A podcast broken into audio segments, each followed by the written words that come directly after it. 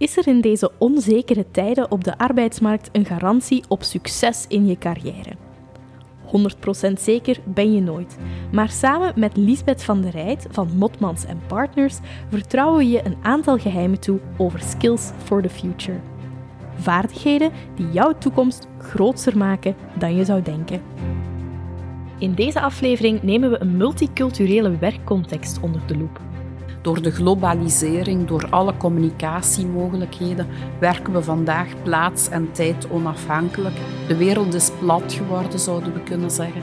Maar de samenwerking over culturen heen heeft ook zijn uitdagingen. Het observeerbare gedrag is denk ik het eh, gemakkelijkste om mee om te gaan. Maar de dieperliggende overtuigingen, ja, die zitten natuurlijk in het onzichtbare. Dat crossculturele competenties voordeel opleveren bij culturen ver van de onze, spreekt voor zich. Maar soms kan je dat zelfs al vaststellen als je drie uur vliegt, waar je ook in een totaal andere cultuur, in, in hetzelfde continent uh, terechtkomt. En dat is uh, ontzettend uh, mooi om, om te kunnen meemaken. Mijn naam is Hanne van Luiten. Welkom bij Skills for the Future.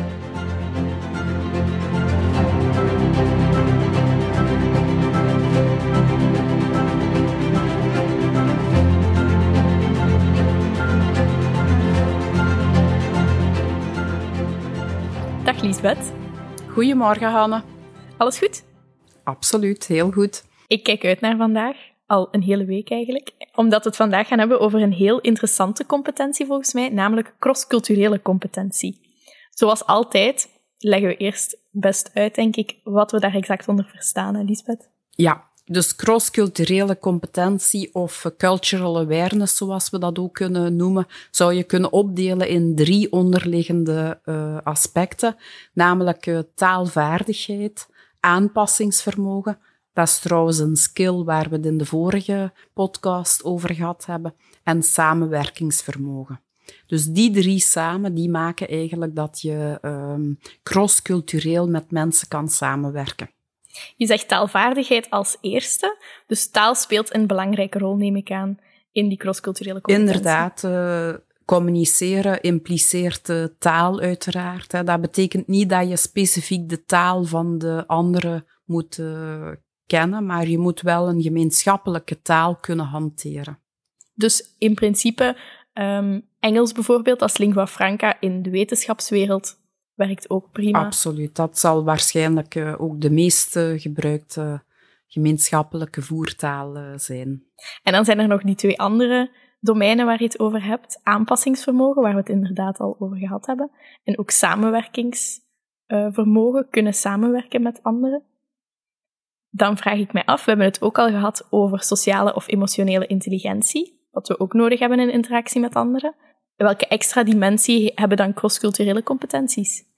Wel, zoals we de vorige keer hebben toegelicht, die emotionele intelligentie of die sociale intelligentie, dat gaat eigenlijk meer over een denkstijl, over het analytische denkvermogen, waarbij dat we interesse hebben in de andere en dat meenemen in onze besluitvorming bijvoorbeeld. Terwijl samenwerking, dat gaat echt over uh, relationele vaardigheden. Dus op het ogenblik dat we in interactie met anderen treden, het gedrag dat we dan eigenlijk op die manier uh, stellen. Dus dat is toch nog net iets anders.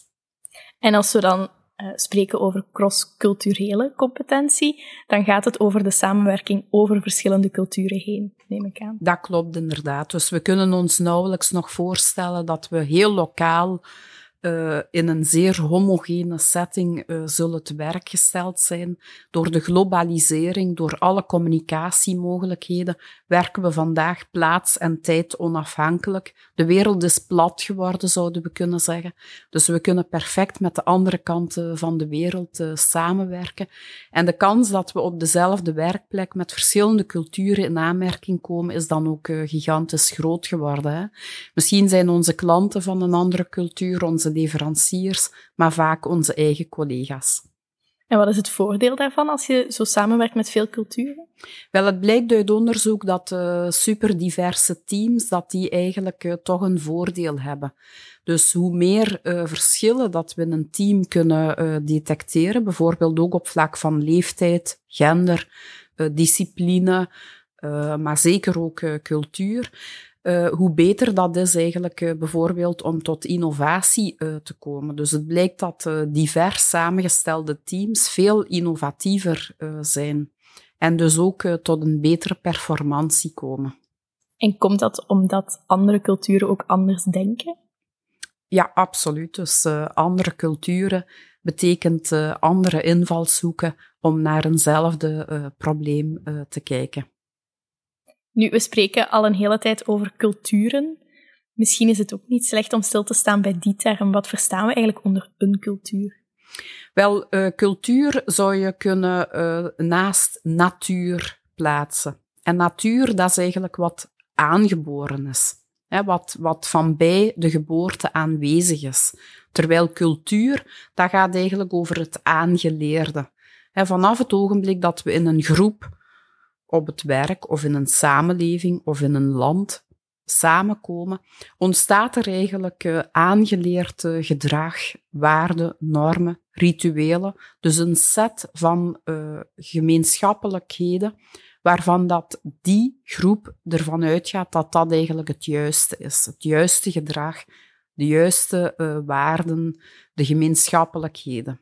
Dat is eigenlijk cultuur. Dus eigenlijk loopt die, um, die tegenstelling tussen natuur en cultuur, kunnen we dat een beetje parallel stellen aan nature-nurture.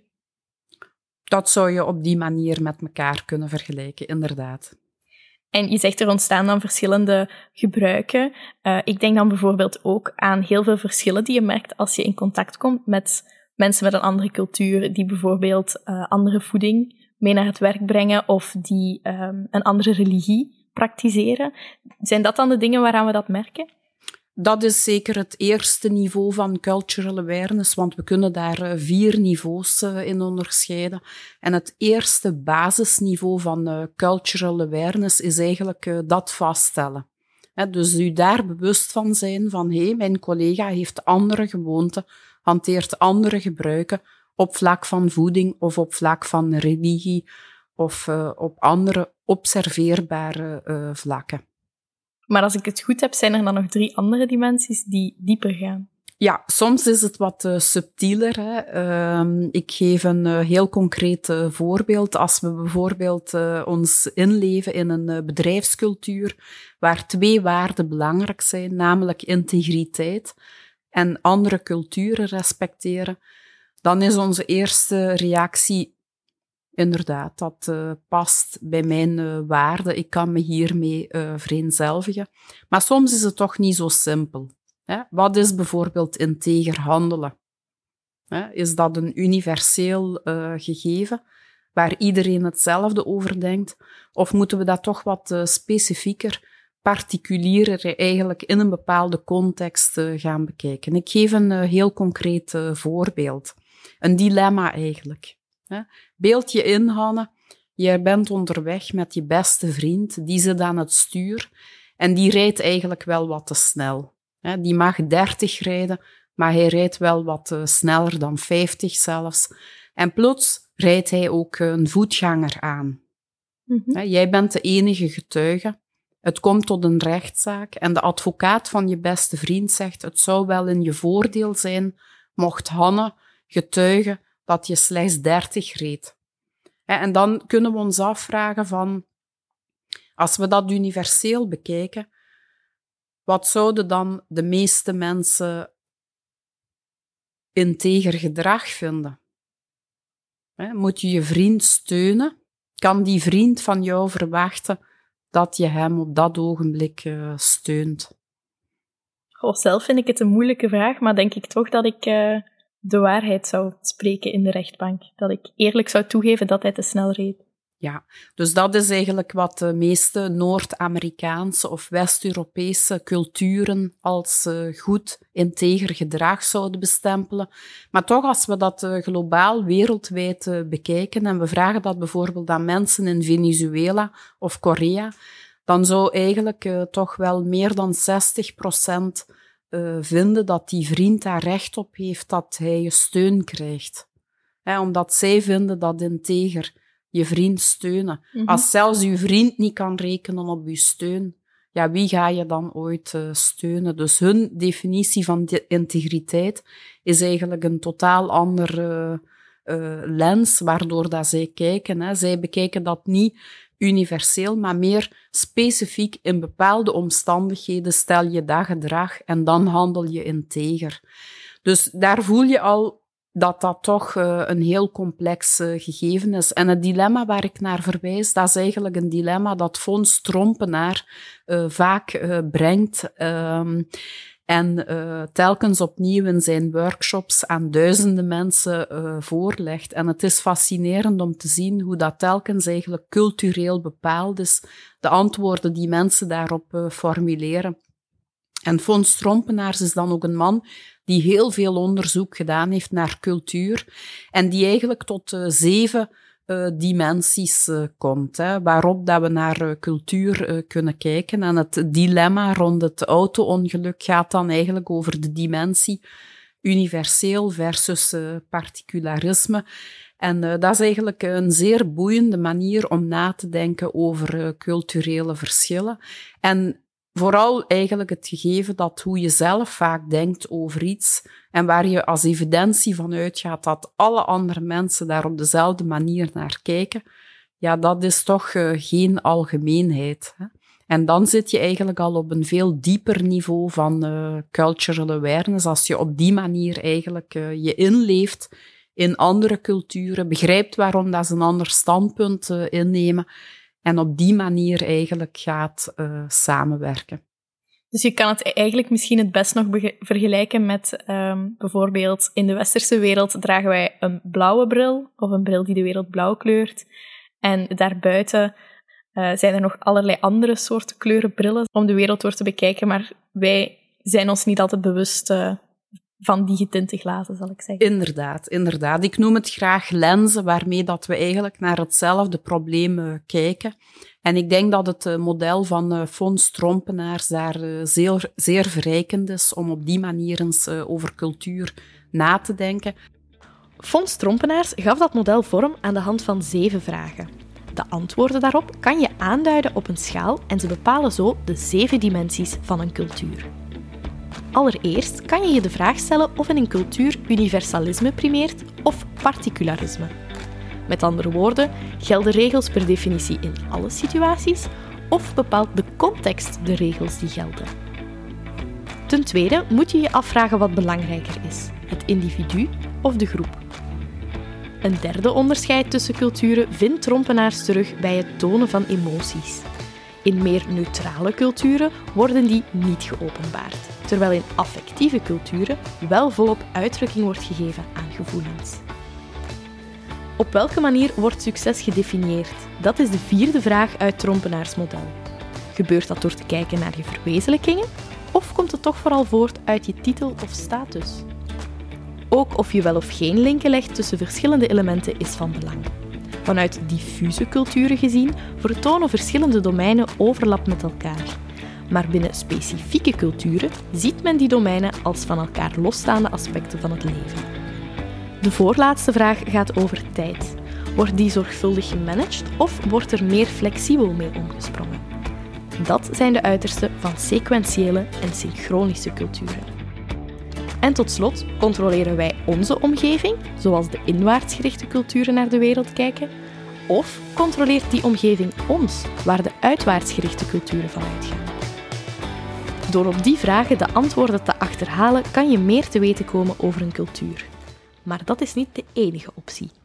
Een heel ander uh, gekend uh, model is bijvoorbeeld dat van Hofstede hè, waarbij dat eigenlijk uh, uh, meer naar landenculturen gekeken wordt aan de hand van een 6D-model. Dat is ook een heel interessante benadering van um, zes ankers eigenlijk, waarmee dat we eigenlijk uh, cultuur kunnen definiëren. Of bijvoorbeeld een iets gemakkelijker hanteerbaar model is dat van Quinn. En Quinn die gaat eigenlijk aan de hand van twee assen uh, enerzijds flexibiliteit versus stabiliteit of beheersing. En dan heb je interne gerichtheid ten opzichte van externe georiënteerdheid. En zo kom je eigenlijk tot vier kwadranten waarbinnen dat je culturen kan uh, typeren en waarbij dat je ook bepaalde managementrollen aan die culturen gaat kunnen toevoegen.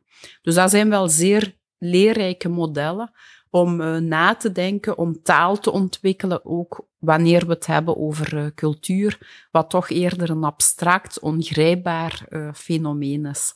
Net omdat we ons er zo weinig bewust van zijn. Inderdaad. Ik wil nog graag inpikken op iets wat je net zei over het model van Hofstede. Je zegt hij kijkt meer naar landenculturen. Is het zo dat elk land zijn eigen cultuur heeft, of zijn er ook nog meer of minder culturen bijvoorbeeld? Wel, ik denk dat elk land zijn eigen cultuur heeft en binnen dat land kunnen we soms nog subculturen onderscheiden. Denk maar aan Noord ten opzichte van uh, Zuid. Dat geeft ook nog uh, vaak aparte uh, dimensies. Dus je kan daar eigenlijk globaal of heel gedetailleerd naar gaan kijken.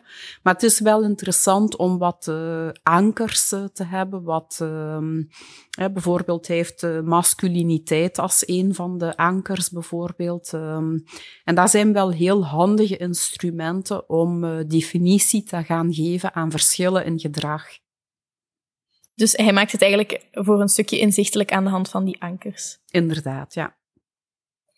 Uh, wat zijn zelf misschien dingen die jij opmerkt die de voor de grootste vrevel zorgen op de werkvloer misschien bij cultuurverschillen? Zijn er cultuurverschillen waarvan je merkt die zorgen vaak voor discussies of voor conflict?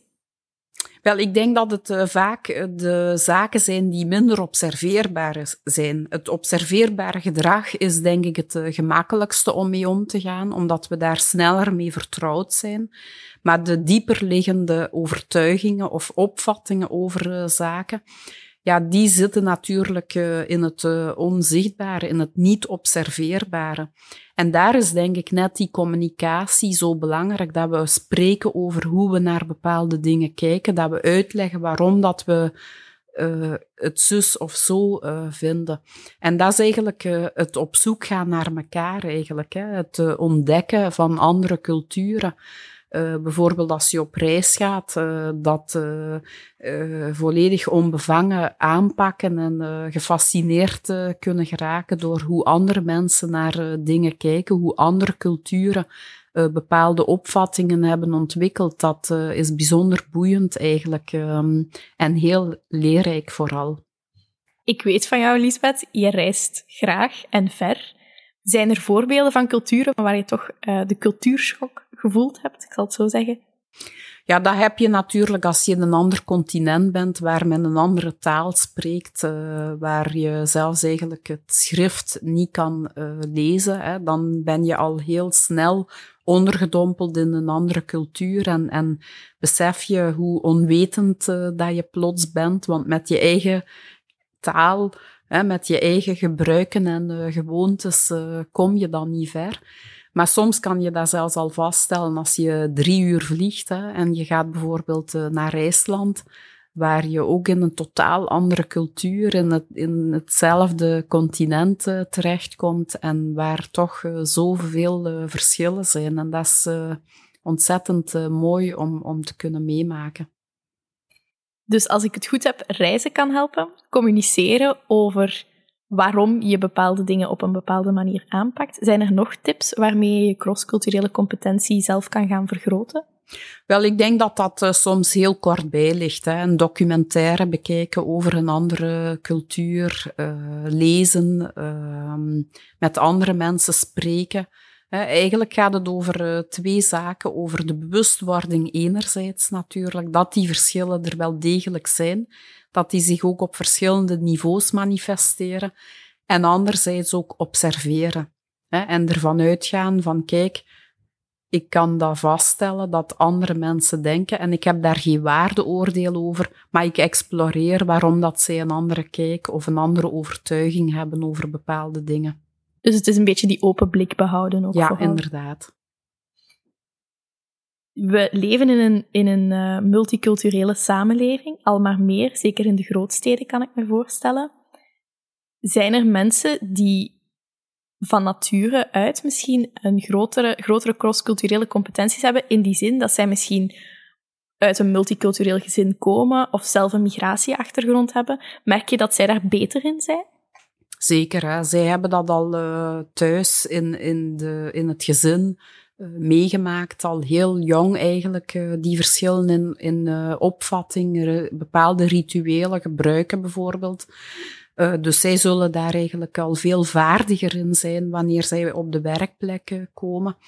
Maar ik kan me nauwelijks voorstellen dat er mensen nog uit zeer homogene contexten komen. Zelfs als je kijkt uh, van in de kleuterklas, word je al uh, geconfronteerd eigenlijk met die verschillende culturen.